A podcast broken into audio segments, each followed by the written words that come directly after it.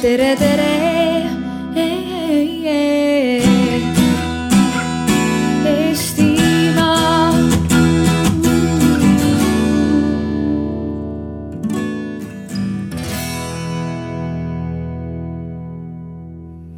Tere, ilusat õhtupoolikut. kell on vist äh, minutike üle viie, nii et me võime alustada. Äh, minu nimi on Tiia Kõnnussaar, ma olen Tartu Ülikooli eetikakeskusest. ja mul on hea meel teid kõiki siin täna tervitada.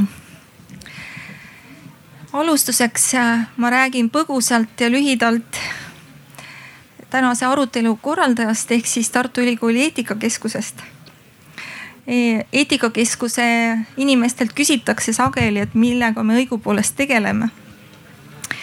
E, esiteks tegeldakse keskuses teadustööga. Eetika on üks filosoofia haru. ja eetikakeskuse teadurid uurivad siis eetika erinevaid valdkondi. teiseks tegeleme väärtuskasvatuse arendamisega koolides ja lasteaedades. See tähendab, et eetikakeskus aitab koolidel ja lasteaedadel selgust saada, millised väärtused on neile olulised ja kuidas neid oma eh, igapäevases töös mm, väljendada. Ja keskuse kolmas valdkond on siis eh, ühiskonnale suunatud ettevõtmised nagu see siin praegu, konverentsid ja seminarid, ka raamatud Ehm, ja tänase kokkusaamise teema eh, oligi mõneti ajendatud meie kevadel ilmunud raamatust, mille pealkiri on Kaose ja korra piiril kasvatusest ja haridusest isiklikult. Eh, see on eh, intervjuu raamat kõigile neile, kes huvituvad sellest, mm, kust me tuleme ja kuhu me teel oleme ja mis on need väärtused, mida me tahame oma lastele kaasa anda ja, ja milliseid võib-olla mitte. Ja selles raamatus, mida ma julgen siiralt soovitada, annavad siis intervjuud äh, Liis-Eppe Lehin, luuletaja, sotsiaalteadlane Rein Taagepera, kes on ka täna meie külaline, lavastaja Lembit Peterson, Justin Petrone ja, ja paljud teised. aga miks ähm, eetikakeskus otsustas suhtluskultuuri alal just äh, laste kasvatamise teemal arutada? ja no küllap te olete jälginud selliseid kaunis ägedas toonis poliitikute debatte telesaadetes. ja, ja pannud tähele, et, et meil ei ole just üksteise kuulamisega eriti hästi. Seda võib-olla ilmestab ka ühe tänase mm, foorumi pealkiri. küberruumi argipäev. sõimata ja peksa saab iga nurga peal, kuidas edasi? et ähm, kas see, et see, kas meie järeltulijatest kasvavad äh, koostöövõimelised inimesed, on võib-olla inimkonna ja planeedi tuleviku seisukohast üks kõige olulisemaid küsimusi. Ja hea koostöö ei saa tekkida ilma üksteist respekteerivalt kuulamata ja ilma hea suhtluskultuurita. ja, aga ma siiski rõhutaksin, et äh, hea suhtlemiskultuur ei ei välista konflikte ja eriarvamusi. Need käivad elu juurde. kuid äh, hea kuulamisoskus ja suhtluskultuur on siiski koostöö eeldus. aga lähme siis äh, tänase kohtumise teema juurde. kõigepealt ma teen väikese sissejuhatuse ja siis annan sõna meie külalistele. iga küsimuste vooru järel on paaril inimesel publikust võimalik saada mikrofon ja avaldada oma arvamust või küsida konkreetselt äh, ühelt meie külaliselt oma küsimus. Ja teemad, mille üle me arutleme, on järgmised. miks on tähtis lapsi kuulata ja neile sõna anda? kuidas vältida kahte äärmust, autoritaarsust ja täielikku vabakasvatust ja mida teha siis konfliktide korral ja kolmandaks, milline võiks olla tegude ja sõnade vahekord kasvatuses? kas teooriate järgi üldse on võimalik lapsi kasvatada? ja kui tulla tänase arutelu pealkirja juurde, siis äh, see on sõnastatud üpriski välju, väljakutsuvalt. käige minu sõnade mitte minu tegude järgi. aga kui me mõtleme edasi, siis kust on pärit see üpriski levinud käibefraas, mida meil kasutatakse üsna iroonilises võtmes. Ehm, ma natuke sondeerisin maad ja leidsin, et algne versioon pidavat pärinema keiser Nero kaasaegselt ja kasvatajalt, antiikfilosoofilt Senecalt, kes oma moraalikirjades Luciliusele on kirjutanud. aitajaks oli see, keda vaadates imetled rohkem kui kuulates. ehk siis otsusta inimese üle tema käitumise ja tegude järgi, mitte selle põhjal, mida ta räägib aga legendi järgi olevat selle teksti ümber pööranud üks pastor, kes oma kogudusele tõsimeeli soovitas, käige minu sõnade, mitte minu tegude järgi. tema ei öelnud seda mitte iroonilises võtmes, vaid äh, kristlikus alandlikkuses, tunnistades oma ekslikkust inimesena. ja tegelikult, kui minna veelgi kaugemale klassikasse, siis äh, ka Apostel Paulus on öelnud, et sest head, mida ma tahan, ma ei tee, vaid paha, mida ma ei taha, ma teen. meie arutelu kontekstis on sellel lausel mitte ainult irooniline, vaid ka sügavam tähendus. see viitab tõsiasjale, et me võime tahta parimat, kuid tegelikus elus sageli ebaõnnestume sest äh, oleme lapsevanematena kas liiga väsinud, stressis või lihtsalt ei oska ja ma loodan, et me tänase arutelu lõpuks saame sellelt äh, küsimärgi tagant ära võtta või selle pealkirja hoopiski ümber pöörata. ja nüüd ma rohkem ei räägi, vaid annan sõna meie külalistele ja palun teile ennast tutvustada.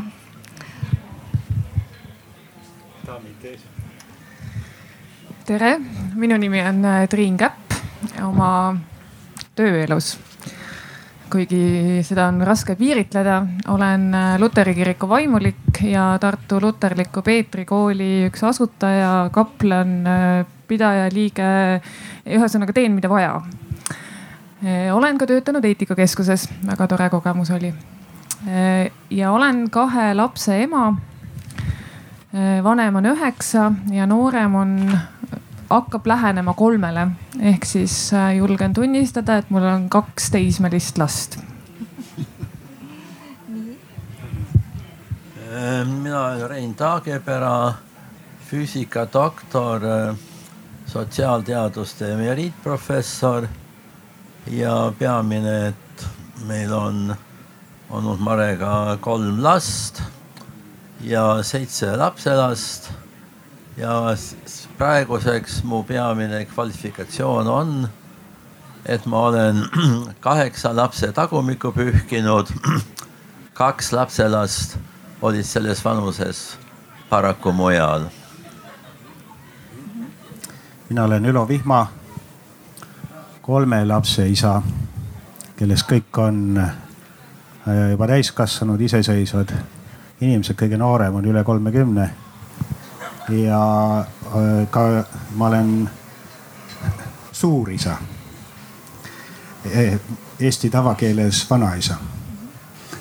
aitäh ja nagu öeldud, mina olen Tiia Kõnnusaar eetikakeskusest.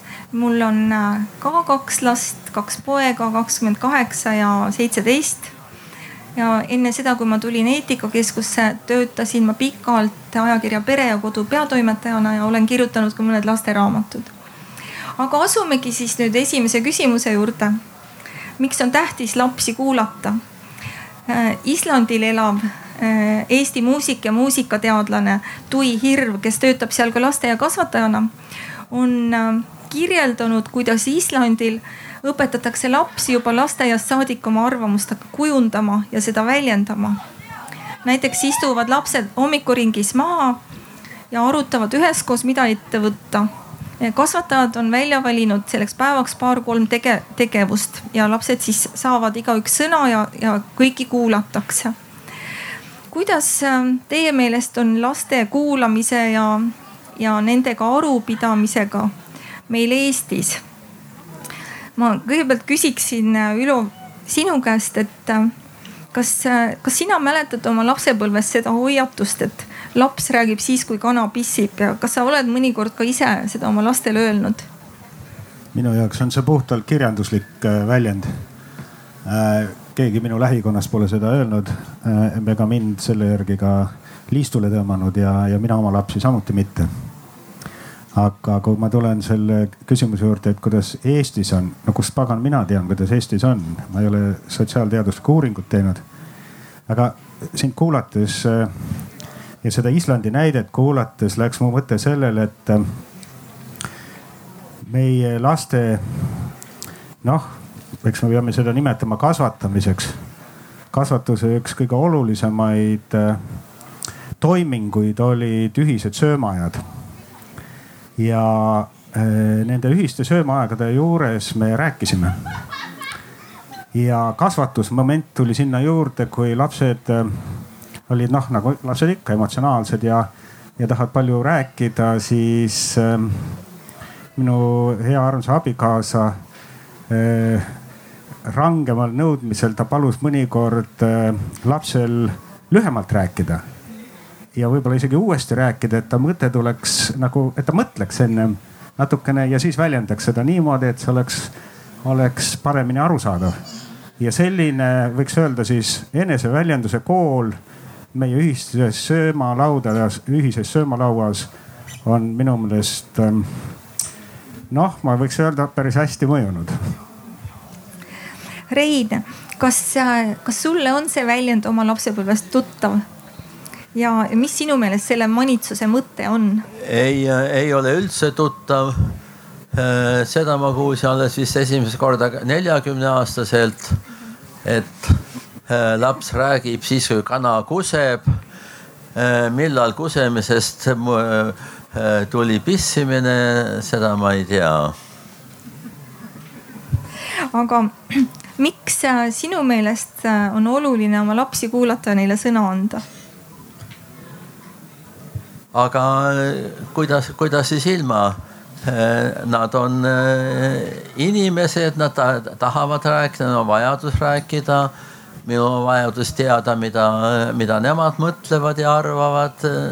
see on ju Äh, täiesti loomulik. Äh, ma ei kujuta ette, miks peaks neid äh, sundima vaikima. välja arvatud see, mida Ülo ütles, et kui nad liiga lahjalt mulisema hakkavad, et siis jah, et nad lühemalt ja täpsemalt räägiksid. Triin, ma küsin sinu käest, et et millal sinule emana on kergem oma lapsi kuulata ja millal see on nagu raskemaks osutunud? jah, see mulisemine on hea väljend. mul on ka kombeks oma vanemale tütrele, kui ta tuleb emotsiooniga. sõnasta, sõnasta, mis sa öelda tahtsid aga ma tahtsin seda pissimise asja ka kommenteerida, et mina küll mäletan seda lapsepõlvest. ma arvan, et see ei olnud mu ema, kes seda mulle ütles. tõenäoliselt see tuli kuidagi nagu foonilt, aga mina ei saanud absoluutselt aru, mida mulle öeldi, sest et noh, keegi polnud mulle rääkinud, millal need kanad pissivad. et noh, mul oli sihuke tunne, et noh, äkki siis võib kogu aeg rääkida. keegi polnud ju öelnud, et noh, millal see siis toimub, et aga, aga ja selle Islandi näite kohta, siis äh, mulle tundub, et kui vaadata Eestit tervikuna, siis äh, koolide osas see kujundav hindamine on natukene sarnane ja tegelikult äh, kui seda, seda, seda rauda taguda, siis me liigume õiges suunas. no ma ähm, selleks, et, et lapsevanemana saada sellist peegeldust oma mm, ütleme siis olemasolevale maailmale tasub aeg-ajalt lugeda Juku anekdoote. ja, ja ma leidsin kaks toredat anekdooti, mis võiksid natuke võib-olla seda meie tänast vestlusteemat äh, ilmestada. üks neist on selline, et Juku helistab vanaemale. vanaema, vanaema, kas sa saad mulle midagi lõunaks süüa teha?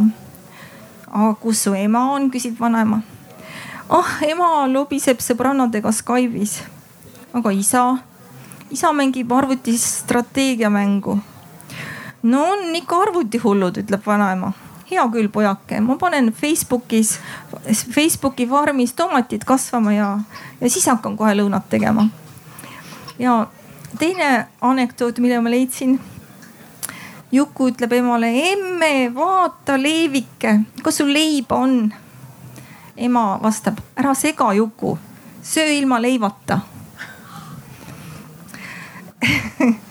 et äh, võib-olla me jõuamegi siis nüüd äh, selleni, et, et kaasajal heidetakse noortele lapsevanematele sageli ette, et nad ei sekku palju oma laste kasvatamisse, sest nad on mm, tõmmatud mm, ise virtuaalreaalsusesse ja peagi tõmmatakse sinna ka lapsed. Äh, võib-olla mõnedes toredamates perekondades nagu teil mitte, kui te koos lõunat sööte. aga et ähm, et äh, kuidas te seda kommenteeriksite, seda suhtlemist, suhtlemise olemasolu? kas te olete märganud mingeid selliseid äh, äh, olukordi, kus, kus te näete, et laps püüab vanemaga kontakti saada, aga tal see kuidagi ei õnnestu? No eks seda ikka juhtub kõikides peredes ja ma arvan, et seda on juhtunud alati, et kui tänapäeval on Facebook, siis vanasti kooti sokki ja võib-olla oli vaja silmust äh, täpselt äh, ajada. aga mulle meenus eile õnneliku perekonna teemal arutledes see mõte, et mis asi üldse on vaba aeg või et millal tekivad need suhtlusolukorrad, et, et selline asi nagu vaba aeg on tegelikult suhteliselt uus nähe, et meil ei ole olnudki lihtsalt sihukest aega, kus sa peadki olema internetis või tege-, vaatama telekat või midagi sellist, et noh, muul ajal suheldagi tööd te,, töö tegemise kõrvalt ja siis saigi suhelda, et nüüd ma arvan, et see küsimus on tekkinud hoopis sellise mõistega nagu vaba aeg. ja tahan lisada, et äh, minu kogemus, nagu me räägime lastega suhtlemisest, äh, aga ka mitte ainult. Äh, sageli väga tõsised, väga sügavad isiklikku vaimu ja hingeelu puudutavad vestlused saavad mõnikord püsti jala aetud. Äh, umbes niimoodi, et äh, esikus äh, sisenedes või enne väljumist või kuskil tõesti mingi töö kõrvalt. ja, ja mingil moel see, see õhustik, selline sihukene noh, niisugune just nagu mööda libisev olukord ja, ja, ja sihukene põgus hetk, mida siis tuleb on võimalik täita, see, see paradoksaalne kooslus annab mõnikord tohutult head tulemust. Rein. no kõige lihtsamalt toimub see, kuna koos enam tööd eriti ei tehta, et nagu matkadel justkui on tunne, et ei ole kohustus midagi rääkida ja siis tuleb äh, jutt äh, vabamalt äh, väik-, väikeste lastega muidugi enne magama minekut on, on hea aeg, kus saab neile midagi ette lugeda või rääkida või tuleb ettelugemisest rääkimine. ja muidugi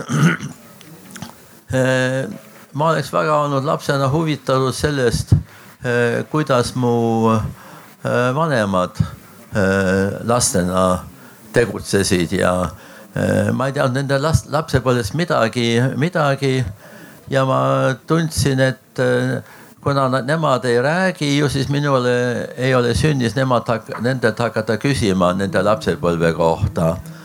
Äh, ja nemad võib-olla arvasid, et, et mis see ikka mind huvitab, nad ei hakka mind tüütama oma lapsepõlve mälestustega, nii et see, mida mina oleksin igatahes väga tahtnud see jäi olemata kuni palju hiljemaks ajaks. Mul tuli selle Reinu mõttega matkadest just meelde, et üks mu tuttav nelja lapse ema, kes elab Torontos, kus siis lapsed ei tohi väga üksi käia, neid tuleb kogu aeg autoga vedada igale poole. ütles, et aga see on ju suurepärane, ma võtsin ennast lausa vabaks vahepeal, sest nad on mul seal autos kinni ja ma saan neile kõike rääkida, mis ma tahan. minu kogemus on sama ja mulle meenub ka ühe eh, ühe kristliku autori Ross Campbelli ähm, raamat, kuidas ta kirjeldab oma teismelise lapsega läbikäimist ja noh, see on muidugi Ameerikas. et, et seal vanemad ikkagi käivad lastele autoga järel ja sõidutavad neid hästi palju, sest äärelinnadesse nad ise ei käi. ja siis ta kirjeldab seal väga mahlakalt, kuidas ta sõidab äh, terve pika tee restorani, siis nad istuvad seal, söövad vaikides, ei räägi midagi, teismeline on üsna kidakeelne, nagu nad kipuvad olema siis nad istuvad uuesti autosse, sõidavad tagasi ja siis umbes viimase kolmandiku peal koju hakkab laps rääkima sellest, mis talle tegelikult nagu muret teeb või mis tal hinge peal on. et, et selleks, et üldse tekiks mingit sorti avanemine, on vaja ka seda, seda vaikset ruumi selle ümber, et, et võib-olla on hästi oluline äh, seda meeles pidada aga minu meelest see, siin ei ole mingit vahet, kas on tegemist suhtlusega lastega või täiskasvanutel omavahel. täpselt sama värk. et ähm, kas keegi publiku hulgast tahaks praegu midagi kommenteerida või küsida, sest ja palun see autosõiduga seoses. ja palun tutvustage ka ennast. no Karl Kulman on minu nimi. autosõiduga seoses ma soovitaksin, et Eesti seaduse järgi ei tohi mobiiltelefoni autos kasutada juht, aga kui kaassõitjatel sama asi kehtiks, siis saaks suhtelda palju paremini. mina olin sunnitud tahaistmele panema telefoni laadijat oma teismelistega sõita koos. nii et keelame autos sõites kõikidel internetis olemise, siis saab suhelda. hea mõte. kas keegi tahab veel midagi küsida või kommenteerida? kasutage palun juhust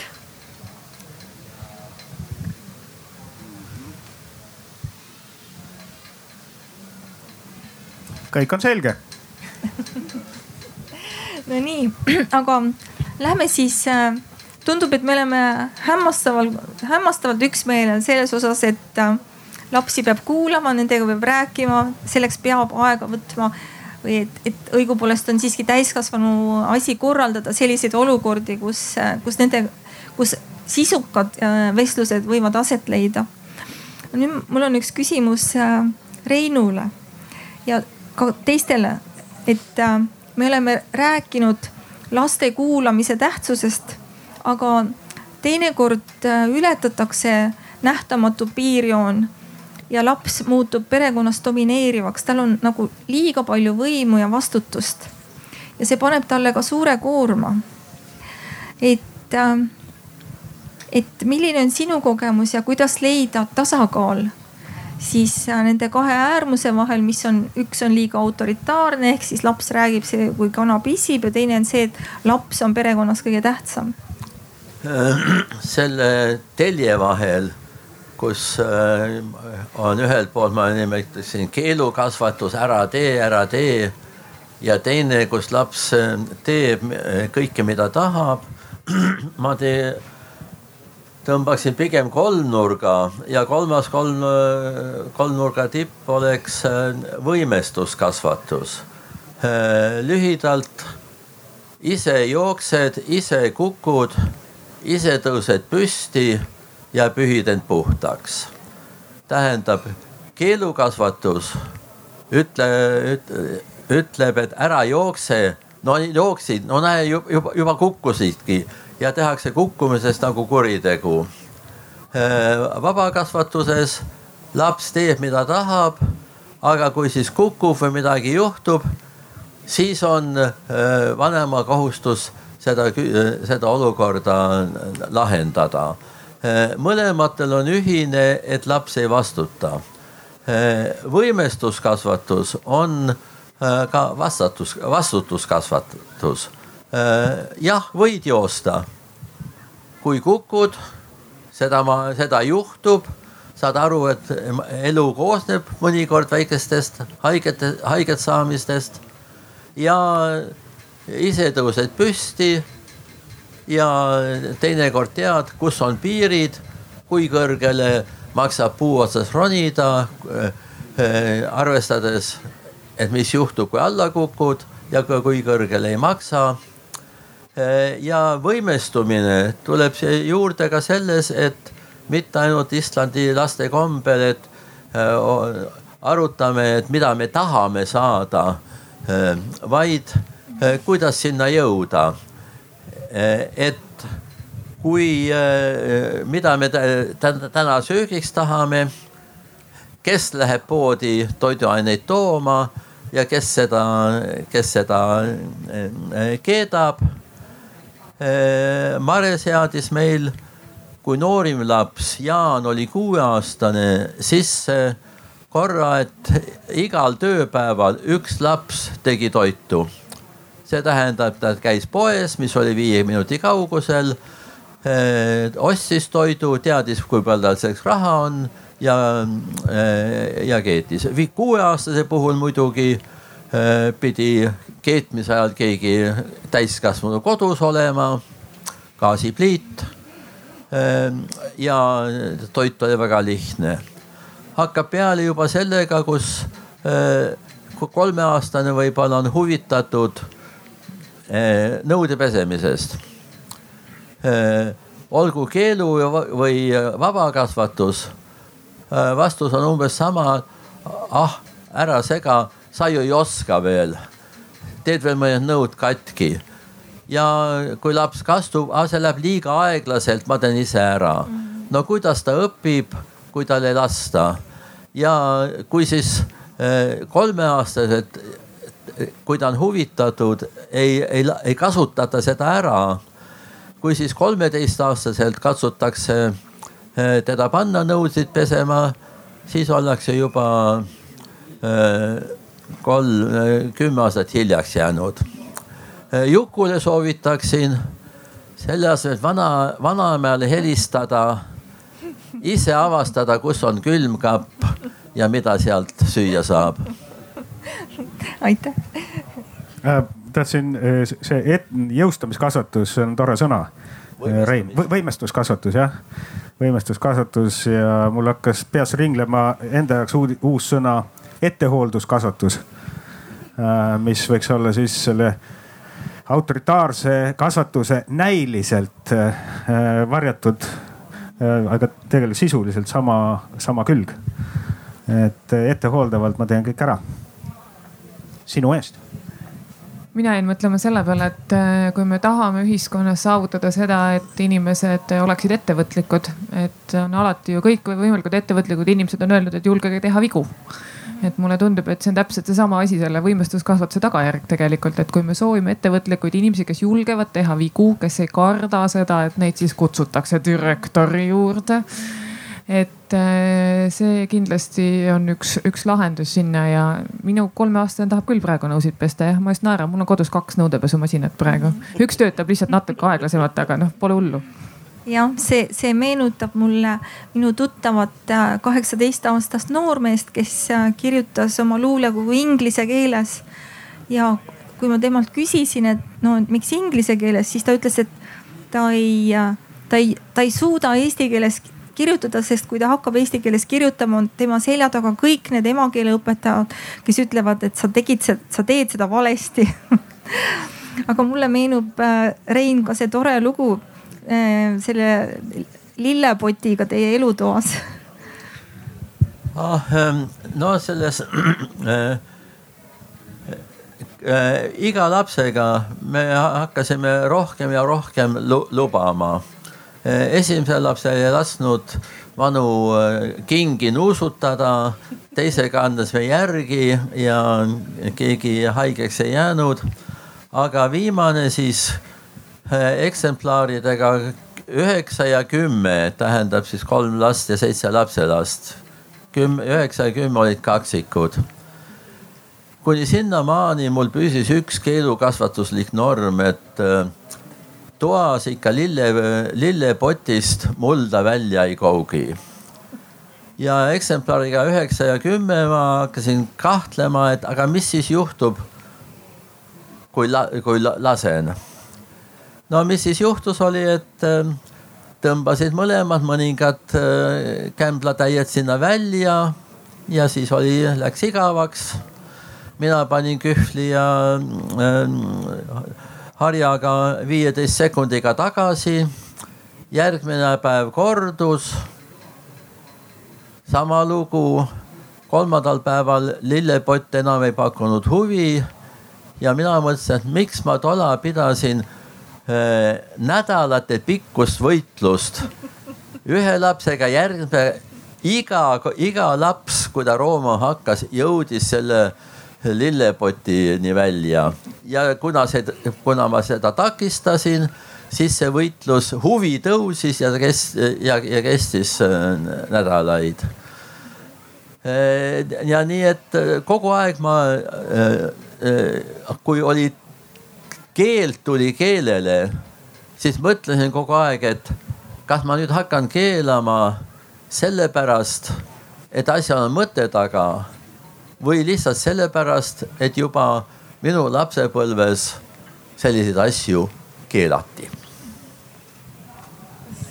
Jah, mind on ka see lugu väga inspireerinud, alati kui ma lillepotte näen, siis ma mõtlen selle Reinu loo peale. aga mulle meenus üks teine hea lugu, mis võib-olla on paljudele ka tuttav, aga mis mulle ka tohutult meeldib eh, mitme lapse kohta, et esimene laps sööb rannas liiva, et siis oled valmis EMO-sse jooksma noh, teine laps sööb rannas liiva, siis noh, pühid ära ja lähed edasi. kui kolmas laps sööb rannas liiva, siis mõtled, et kas õhtusööki on vaja üldse teha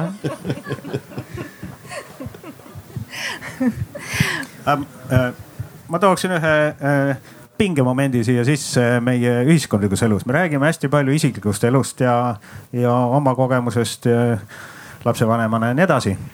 Aga kui ma mõtlen sellele, et äh, missugune äh, kasvulava on see ühiskondlikul tasemel ja need kasvulavad on kõigepealt sõim, aga siis on lasteaed ja lõpuks kool ja, ja see kujunemisperiood, esimene kujunemisperiood on enne kooli ju hästi oluline. et noh, mis seal siis lubatud on ja lubatud ei ole.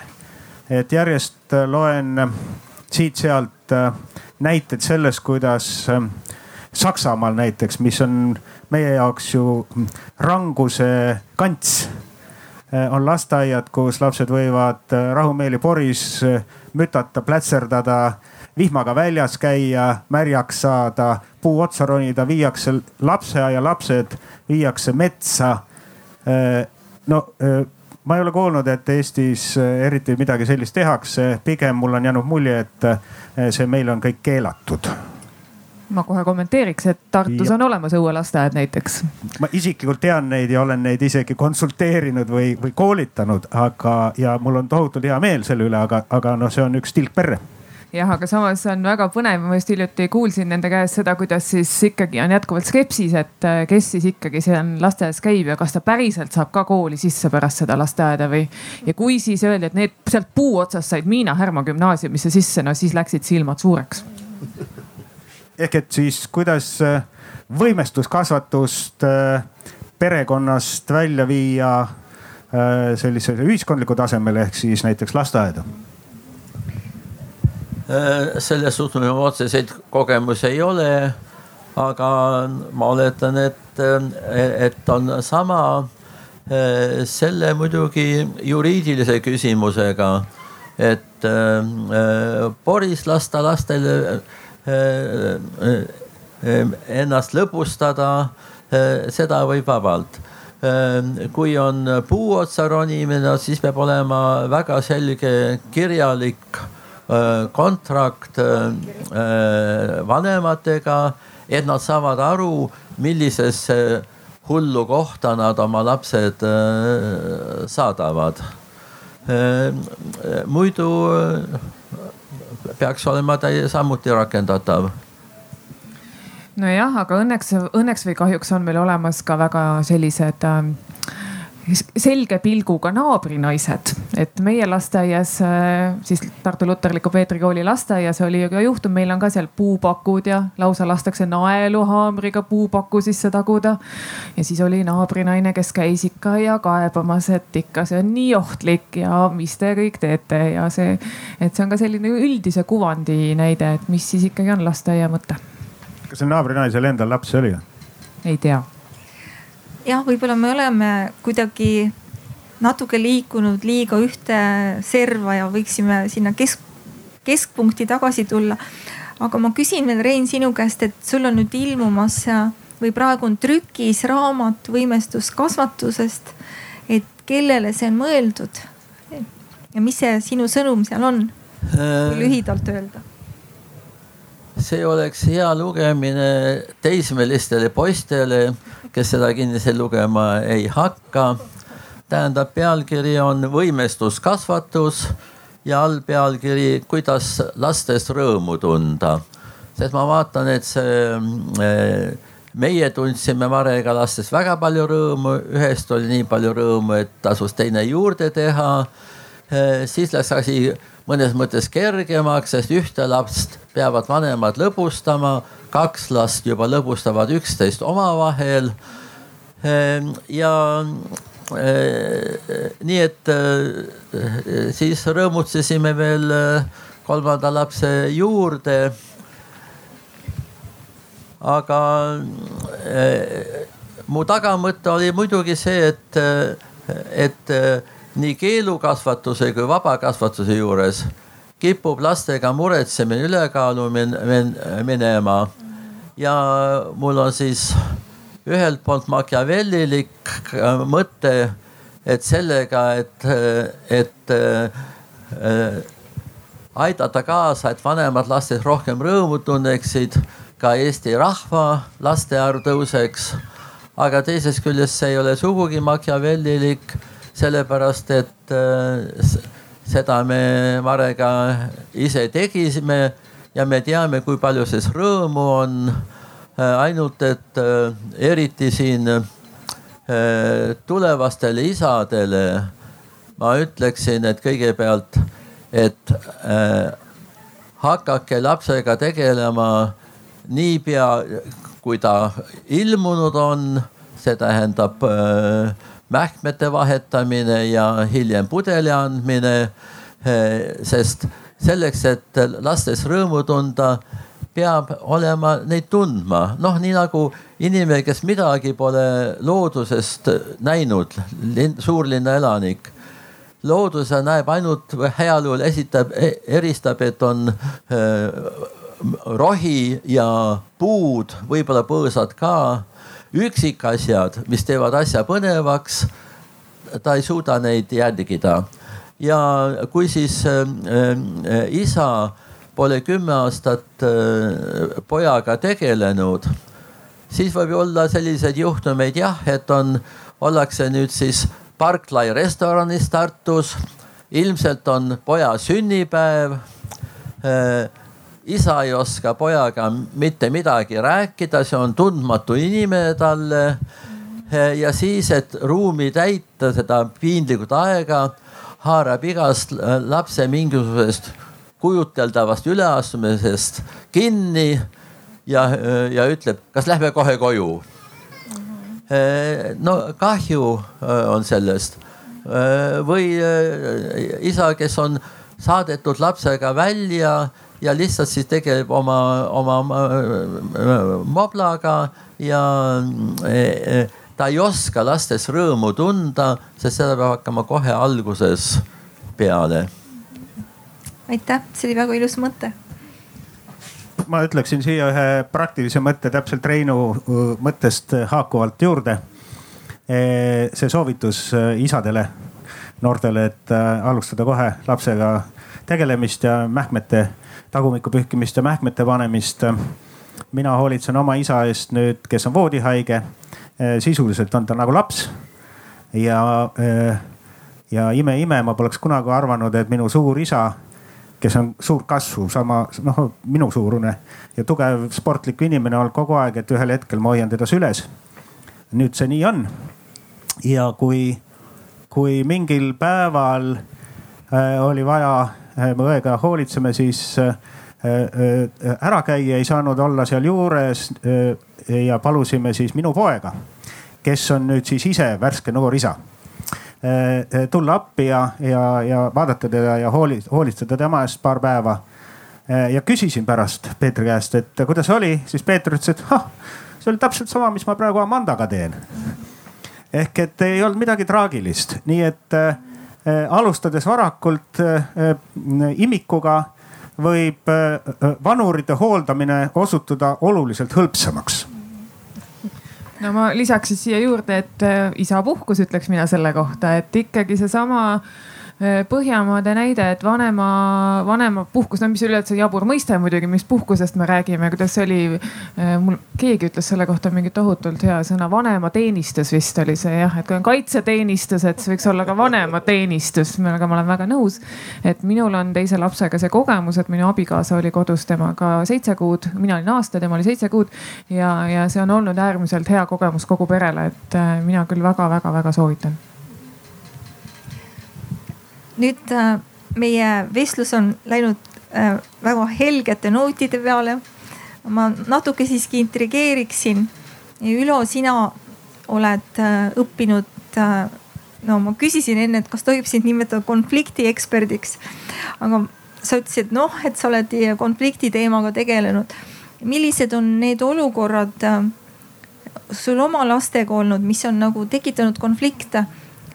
Ütleme siis tüüpolukorrad ja kuidas sa neid mm, oled lahendanud? no ikka on tekkinud jah.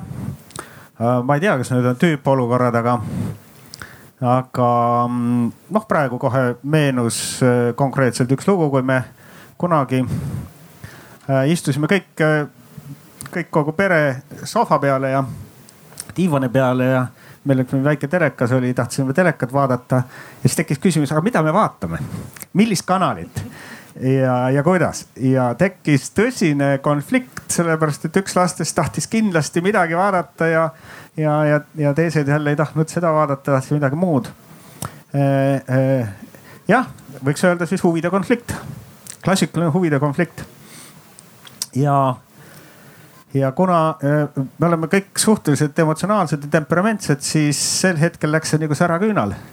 et äh, ei olnud seal pikka aega midagi niimoodi, et oot-oot-oot, et äh, arutame nüüd seda asja nüüd rahulikult, et eks ole, et, et vaatame need äh, siis, mida sina soovid, mida sina soovid, mida sina soovid. kas me järjestame selle, kõik sihukene klassikaline nihukene ratsionaalne probleemilahendus jäi ära äh oli lihtsalt üks sädemete pildumine aga mm, jäime, ühesõnaga see lahendus antud hetkel oli lihtsalt see, et, et vanemal inimesel on eesõigus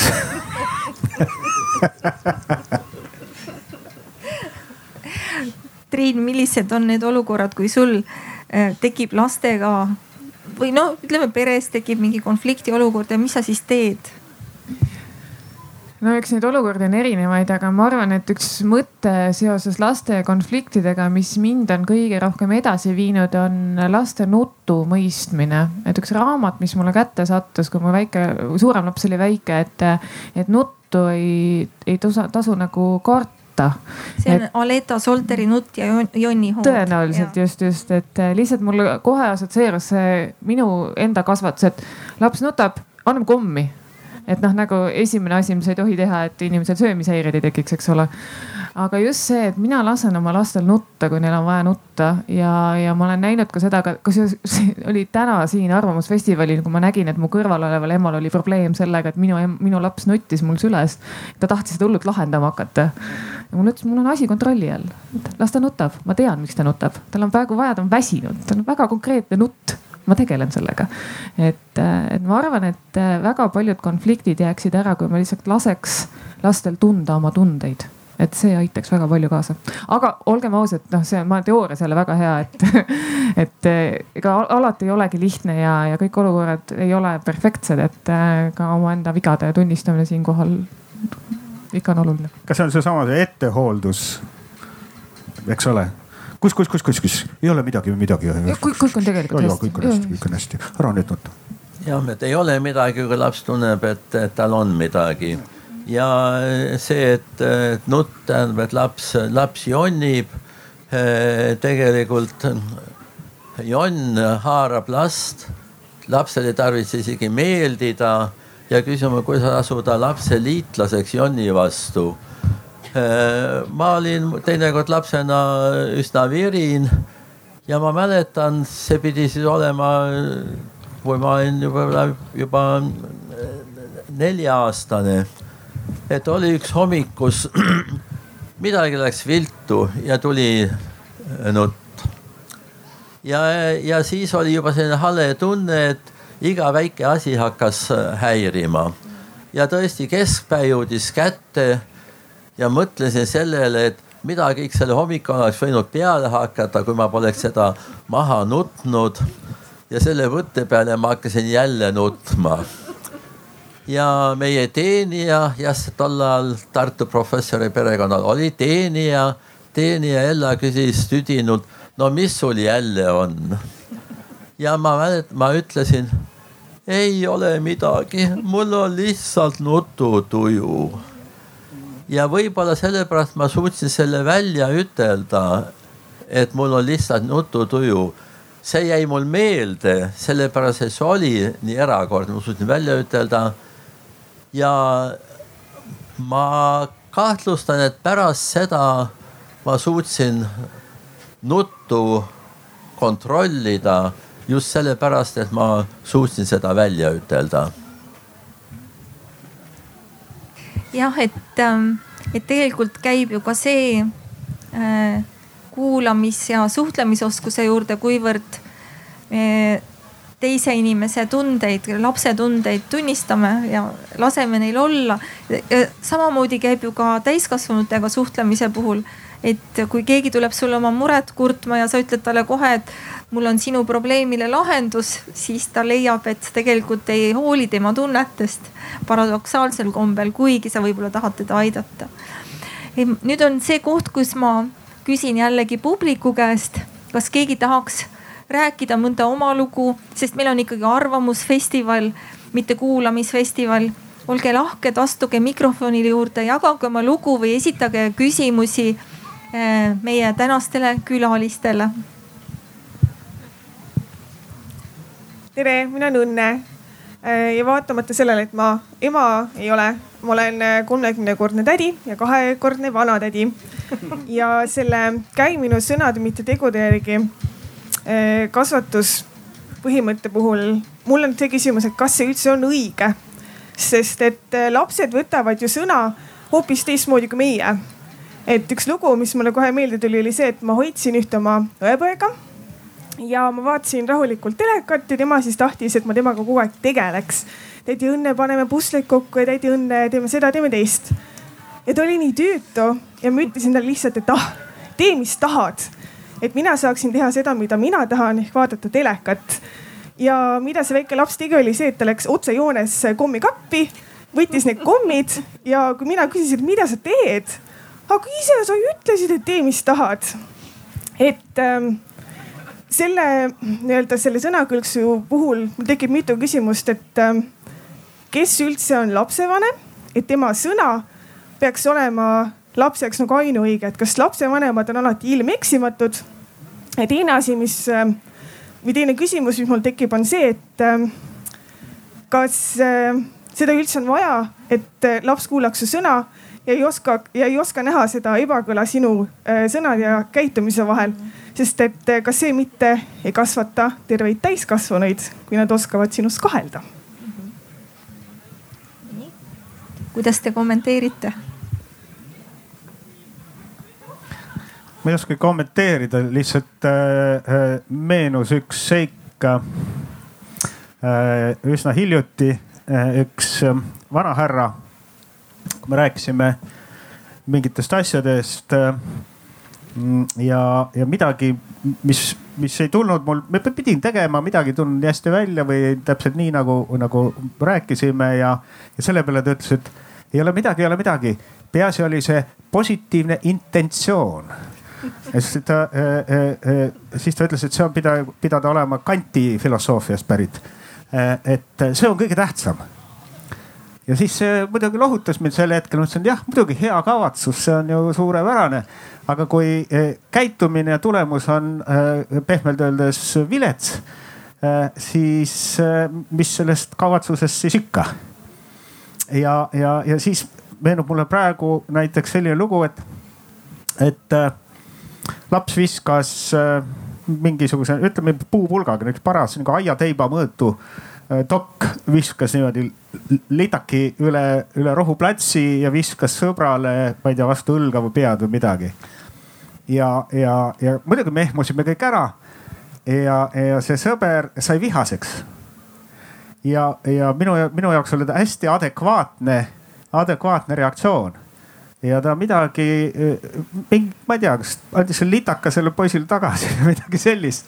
ja asi oli lahendatud täiesti Äh, et äh, noh, et mis kavatsus seal oli, et noh, ma tahtsin lihtsalt äh, lennutada seda kuhugi, aga näed, läks sulle vastu pead.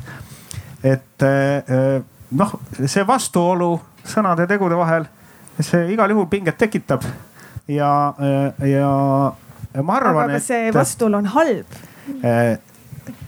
kas see vastu on halb või? ma ei, ma ei tea, halb, noh, kas pinge on halb? Noh, me kõik eh, tahame õndsalikus rahus eh, istuda ja oleskella ja, ja kõik pingutused lõpuks peaksid eh, suubuma kuhugi eh, mõnusasse lõõgastusolekusse. aga kui seda pingutust ei ole ja konfliktsust sõna selles mõttes tähenduses ei ole, et tekib mingisugune vastuolu kuskil, siis, siis ei ole nagu elu ka. see on nagu elu tunnus. ja, ja iseasi on see, et kui, kui kavatsuslik ikkagi see, see on või ei ole, aga, aga see reaktsioon on täpselt samamoodi võib öelda, kas see oli nüüd kavatsetud reaktsioon või ei olnud, see oli impulsiivne reaktsioon.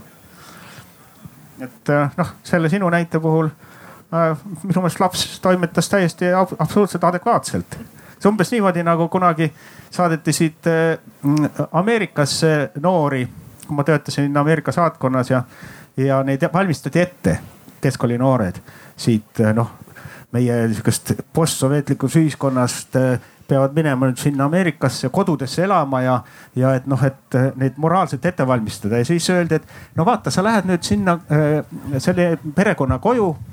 ja siis ameeriklastel on kombeks öelda, et noh, et, et help yourself, eks ole, aita iseennast või. noh, toimeta ise siin, toimeta ise siin. ja siis küsiti, et poisi käest, et, et mis sa selle peale teed. ja poiss ütles, et hm, eks ma siis aitan ennast. tal täiesti äh, mingisuguseid niisuguseid eelarvamusi ei olnud. täpselt nii ta teebki. Läheb, võtab külmkapist toitu, kui tahab või kapist kommi mulle see küsimus, et kas laps peab oma vanemat kuulama ilmtingimata kuskilt olen lugenud, et esimesed seitse eluaastat laps armastab sind sellepärast, et sa oled ta vanem, edasi tuleb see armastus välja teenida. ma arvan, et see on suhteliselt adekvaatne, et, et sa oled, sa oled lihtsalt esimesed seitse aastat enam-vähem autoriteet. no seitse on muidugi sihuke noh, nii ja naa, minul läks umbes viis-kuus. siis aitas autoriteedist küll aga, aga sellega, selle reaktsioonilisusega või sellega just nimelt, et need sõnad ja teod ei ole alati kooskõlas, siis noh, minul on hetkel väga keerulised olukorrad oma väikse poisiga, kellele meeldib mind õhtuti hammustada ja jalgadega kõhtu taguda. ja siis ma olen väga palju juba teooriaid lugenud selle kohta, kuidas peaks käituma, kuidas oleks kõik õige käituda. arvage ära, ma olen teda päriselt ka vastu hammustanud ja ma tean, et ma ei tohi seda teha. aga mingi hetk lihtsalt enam ei suuda no,. aga kes jah. ütles, et ei tohi? Raamat ütles äh, noh, äh, sa ju ise ütlesid, et tee, mis, mis tahad, siis võib ju täpsustada, et, äh, et ma, vabandust, ma ei väljenda ennast küllalt täpselt ja et on siiski mõningaid asju, mida, mida, mida ei saa teha. mida vähem saab keelata seda, seda parem on.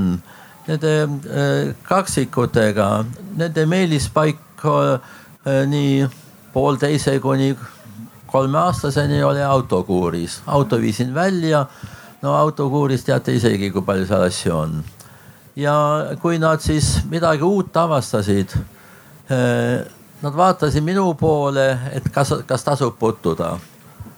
kui ma noogutasin, siis oli asi muretu enamus vangutasin pead natuke murelikult, siis teadsid, et jah, ise jooksed, ise kukud, ise tõused püsti, et selle asjaga võib üllatusi juhtuda.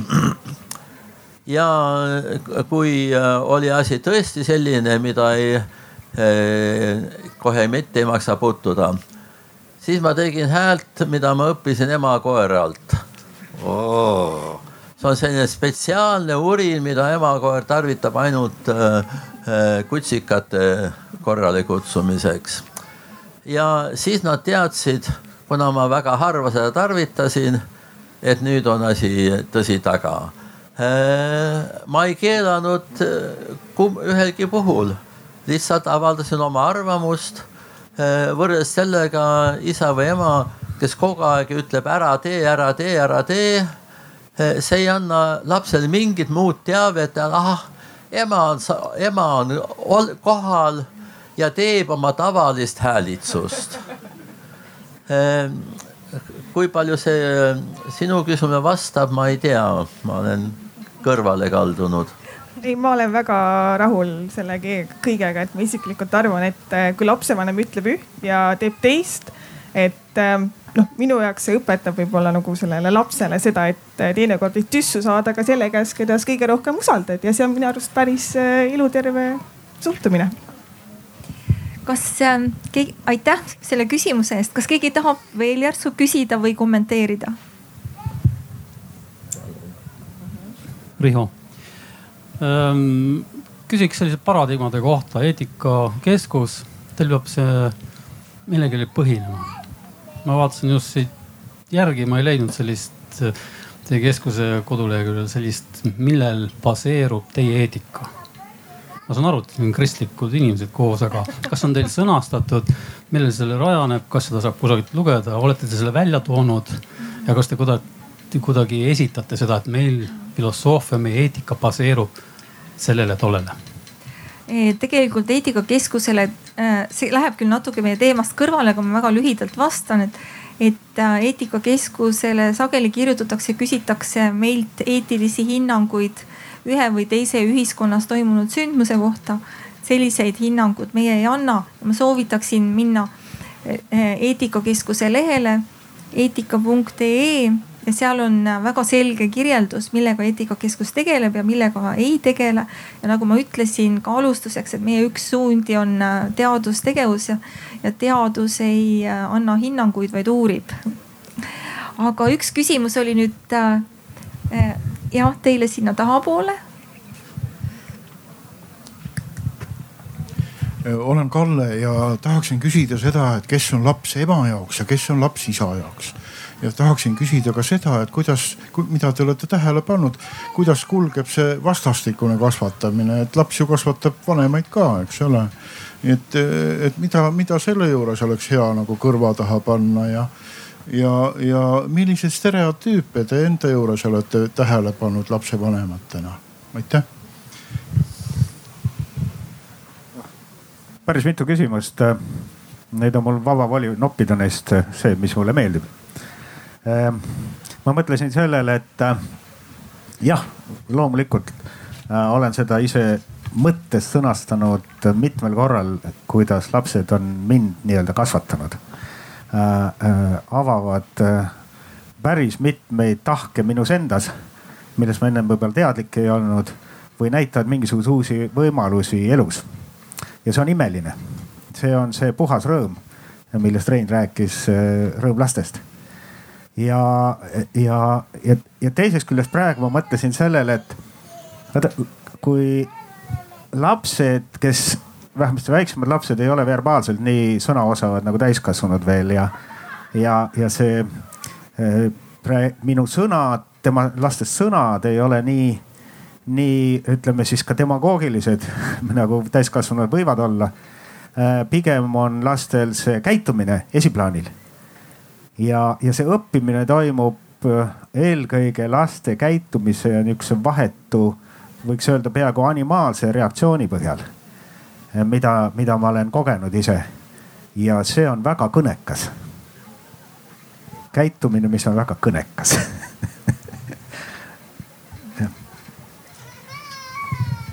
aga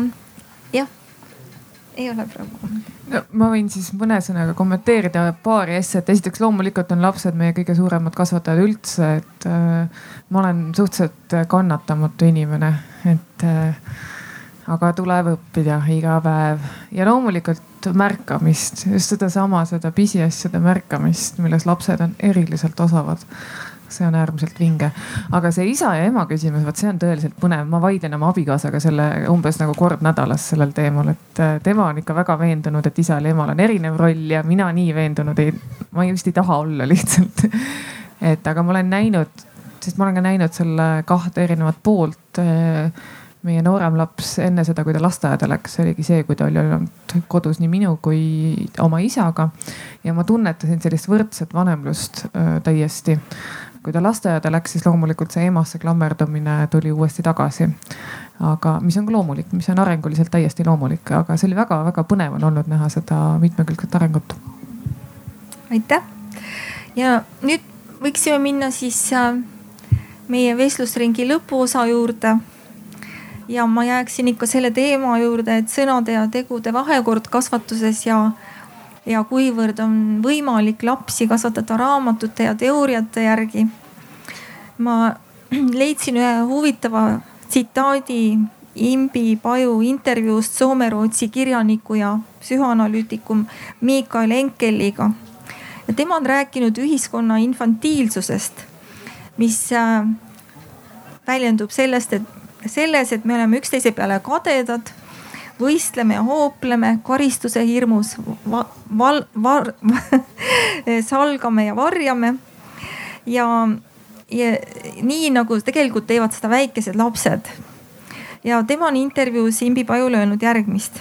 kui laste kasvatus on selline, et laps ei saa kunagi tunda, et tal on õigus et, et tema heade saavutuste üle rõõmustatakse südamest, et ta võib vajadusel saada abi ja kaitset, vaid et ta peab olema edukas, siis ta annab äh, vastutuse üle autoriteedile.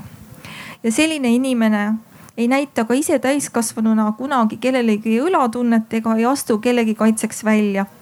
ta võistleb, ta tahab olla edukas ja läheb kaasa manipulatsioonidega. et ja veel ütleb Enkel, et kui ühiskond või üksikinimene takerdub täiskasvanu eas infantiilsusesse ja seda mustrit ei avata, siis püsib ta kurjuses ja vales. Enkel näeb, et kui täiskasvanud pole selles emotsionaalselt suletud maailmas võimelised käsitlema oma elu, oma minevikku ja kollektiivset ängi ja valesti tehtud tegusid, siis ongi tema esimene reaktsioon peitmine, valetamine, eitamine ja reetmine. ja need refleksid kanduvad üle lastele, järgmistesse põlvkondadesse, koolisüsteemi ja isegi riikidevaheliste suhtluse, suhtlusse ning poliitikasse. ja nüüd ma küsiksingi teilt, et kuivõrd teie näete ühiskonna nii-öelda infantiilsust ja milles see väljendub laste kasvatamise vallas ja kas mõneti käib infantiilsuse alla ka see, kui me annamegi vastutuse üle autoriteedile ehk siis raamatutele ja teooriatele.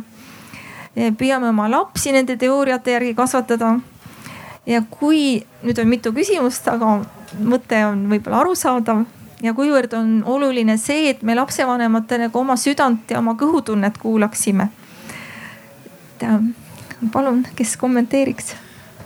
mina mäletan just seda hetke oma esimese lapse päris algus, algusest, kuidas ma kusjuures Facebookis karjatasin, et ma enam ei saa aru, mis see õige teooria on.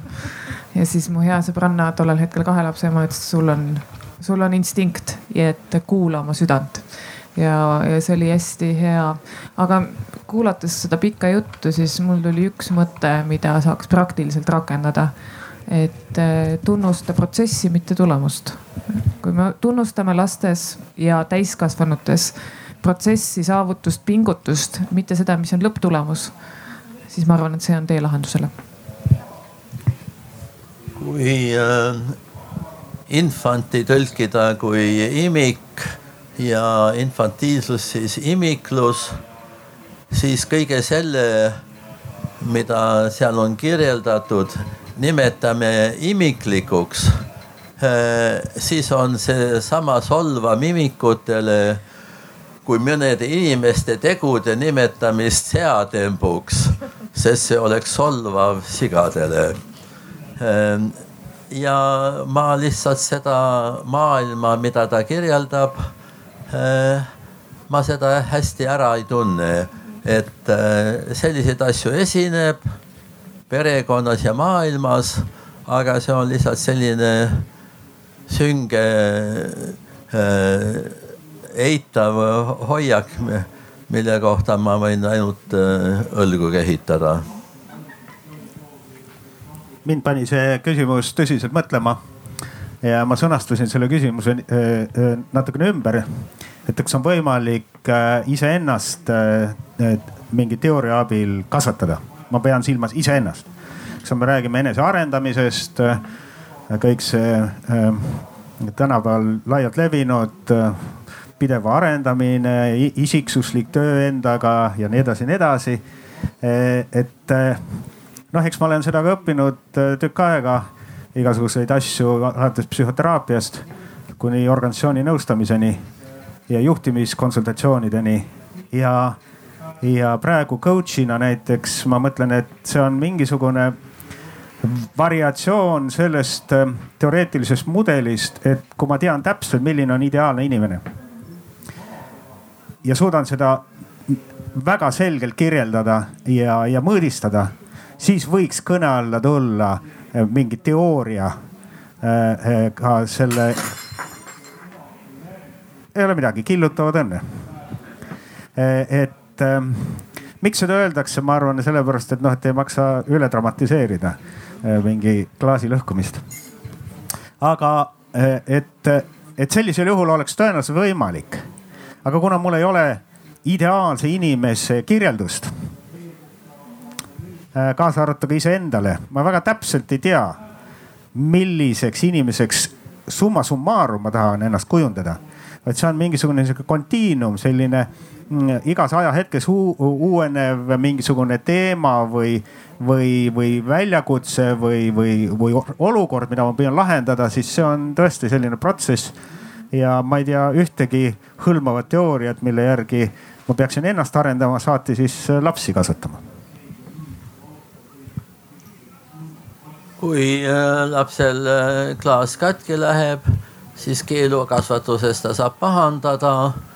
vabakasvatuses ei saa Äh, võimestuskasvatuses kutsuks ta kaasa, et äh, too palun kühvel ja, kühvel ja hari ja pühime selle koos kokku, et lapsel on tunne, et mõndagi juhtub. aga ta on ka võimekas oma juhtumisi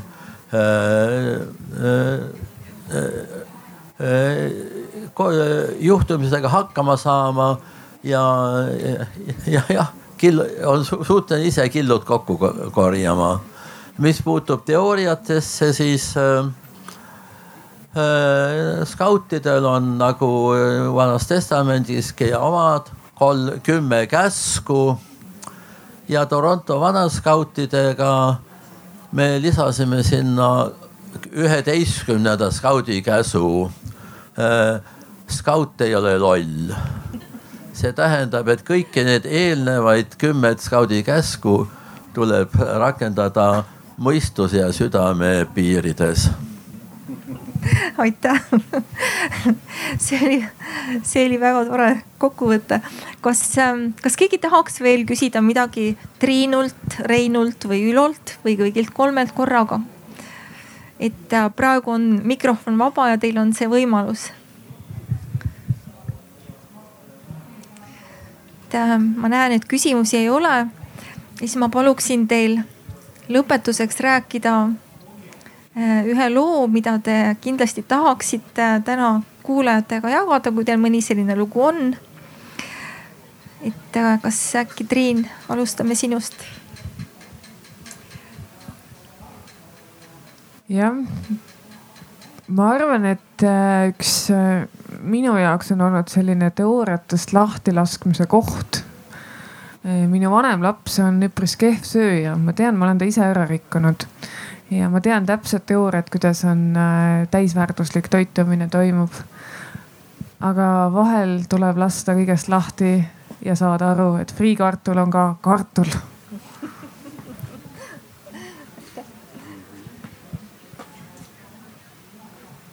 ma tahan äh, jagada teiega oma rõõmu ühest hiljutisest lugemisest. Eesti keelde on tõlgitud raamat, mille nimi on äh, Koera lausuja.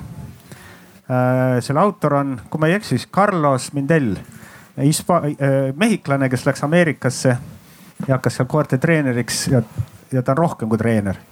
ja kui ma seda raamatut lugesin nüüd kevadel, siis see on nagu juhtimisõpik ja, ja, ja üks niisugune allusioon või niisugune seos, Rein, sinu häälitsusega. Kui sina tegid selle ema, emakoera häälitsust lastele, siis Carlos teeb koertele ja see pidi universaalne olema, teeb. ja sellega kehtestab ta ennast kui karjajuhti. ja soovitan seda raamatut soojalt lugeda. ma lisaksin hoopis veel viimase äh, tarkuse sõna, et äh, on võimalik asju ütelda väga mitmet moodi. Äh, võib ütelda ära tee.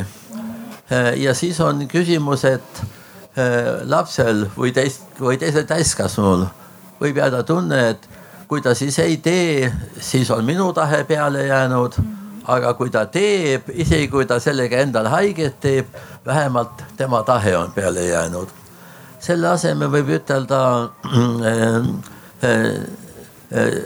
seda peaks, ei, ei peaks tegema või, või, aga saab ka ütelda äh, hästi, ütleme, hakkame ära tee äh, või tee midagi. Äh, seda võiks teha nii, võiksid teha niimoodi, seda peaks tegema niimoodi. ja kui seda ütelda nii ükskõikselt, seda kõige parem, et parem oleks seda, seda niimoodi teha või parem oleks seda mitte teha. siis ei tule autoriteedi konflikti, sest sa ei ole andnud käsku ja laps ei saa eh, oma eh, autonoomiat sellega märgistada, et ta astus sinu käsust üle. ma olen andnud soovituse, mitte käsu ja see, see kahandab paljugi konfliktiolukordi.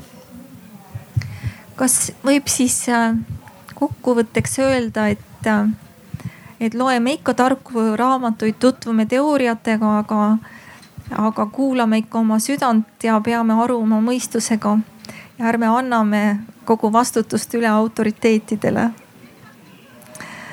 et kas keegi tahab äkki veel midagi öelda? Tiiu Kuurme on meil publiku hulgas, ei okei et kui, kui äh, teil rohkem küsimusi ei ole, siis ma arvan, et me võiksime ka selle teadmisega äh, ja nende mõtetega, mis siin äh, meil tekkisid praegu otsad kokku tõmmata. suur aitäh teile kõigile osalemise eest ja kohtume järgmise aasta Arvamusfestivalil. aitäh teile. aitäh.